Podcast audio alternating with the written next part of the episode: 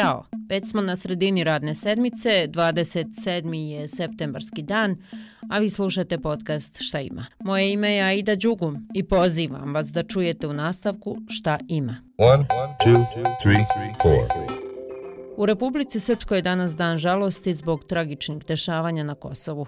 Iz tog razloga prije vlasti u tom BH entitetu isto je uradila i vlada Srbije. Samo da podsjetim da je policiju Kosova napala grupa maskiranih i naoružanih osoba nakon što je pokušala da ukloni barikadu od dva kamiona postavljenu u pravcu sela Banjska opština Zvečan. Ubijen je policijski službenik Afrim Bunjaku, a nekoliko drugih je povrijeđeno. U razmjeni vatre policija je ubila trojicu napadača srpske nacionalnosti dok je njih šest uhapšeno zasjeda i predstavnički dom parlamenta Federacije Bosne i Hercegovine. Između ostalog, poslanici bi trebali razmatrati zakon o ujednočavanju penzija ostvarenih po zakonu službi u oružanim snagama BiH. Ovo je prva sjednica predstavničkog doma nakon što je predsjedavajuća Mirjana Marinković-Lepić podnijela ostavku zbog zdravstvenih razloga. Osim toga, poslanik stranke demokratske akcije Salko Zildžić rekao je da će doći na sjednicu nakon što mu je ukinut pritvor u Užicu i određena uslovna kazna od godinu dana u kućnom pritvoru. Kod Zilđića je prilikom kontrole na graničnom prelazu granična policija Srbije pronašla oružje. Počinje 17. međunarodni sajam privrede u Tešnju. Centralna tema ovogodišnjeg sajma je obnovljivi izvori energije, energetska efikasnost. Na sajmu se očekuje više od 500 izlagača iz 16 zemalja. O sajmu govore predstavnici udruženja privrednika Biznis centar Jelah, Tešanj, Semir Kantić i Edin Jabanđić. Zemlje koje su ove godine prisutne na, na ovogodišnjem sajmu su kompanije iz Bosne i Hercegovine, Mađarske, Republike Sjeverne Makedonije, Slovenije, Hrvatske, Srbije, Crna Gora je prisutna, Turska, Njemačka, Danska, Italija, Kina, Austrija, Španija, Poljska, Švicarska, Amerika i Japan. Naša tema će biti fokus na obnovljive izvore energije, odnosno energetsku efikasnost.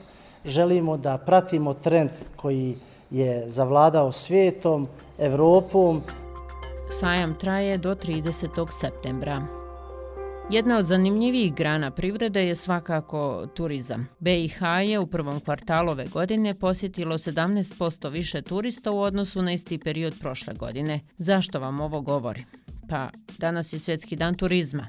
E sad, koja mjesta treba posjetiti u BiH, pitala sam bloger putopisca Roberta Dacešina i putopisca Zorana Matića za tematski podcast šta ima i evo šta su tada rekli. Broj jedan bi bilo da se ode u nacionalni park Tijantište, da se uživa u jednoj zaista nestvarnoj prirodnoj oazi, zatim Neum zbog samog mora, zatim Trebinje koje je po mom mišljenju najljepši grad na moru bez mora. Tu bi kombinovao još možda neko odetno seva, da bi Čardaci, da bi Mačkovac ili Stanišići i na posljednjem mjestu da možda bude obilazak Mostara zato što ta temperatura i ta kombinacija sunca sa onim gradom, sa starim gradskim jezgrom je zaista fenomenalna.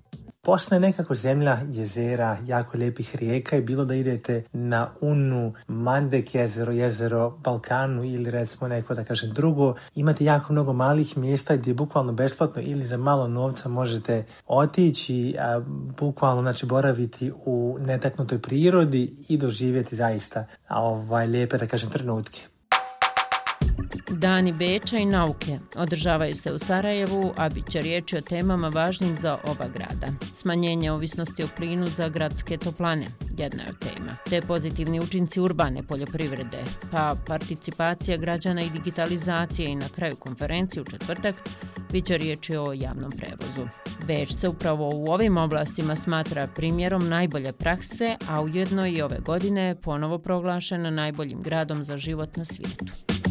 Zanimljivo, zar ne? A imam još nešto zanimljivo da vam kažem. Sarajevo će biti prvi grad domaćine svakidašnje umjetničke platforme Elipsis. Od danas do 1. oktobra na četiri lokacije, 14 učesnika iz Bosne i Hercegovine, Bliskog istoka i dijaspore, spojit će svoje umjetničko stvaralaštvo i istražiti sličnosti i razlike kako bi analizirali teške trenutke prošlosti zbog kojih Sarajevo i Beirut nazivaju gradovima blizancima.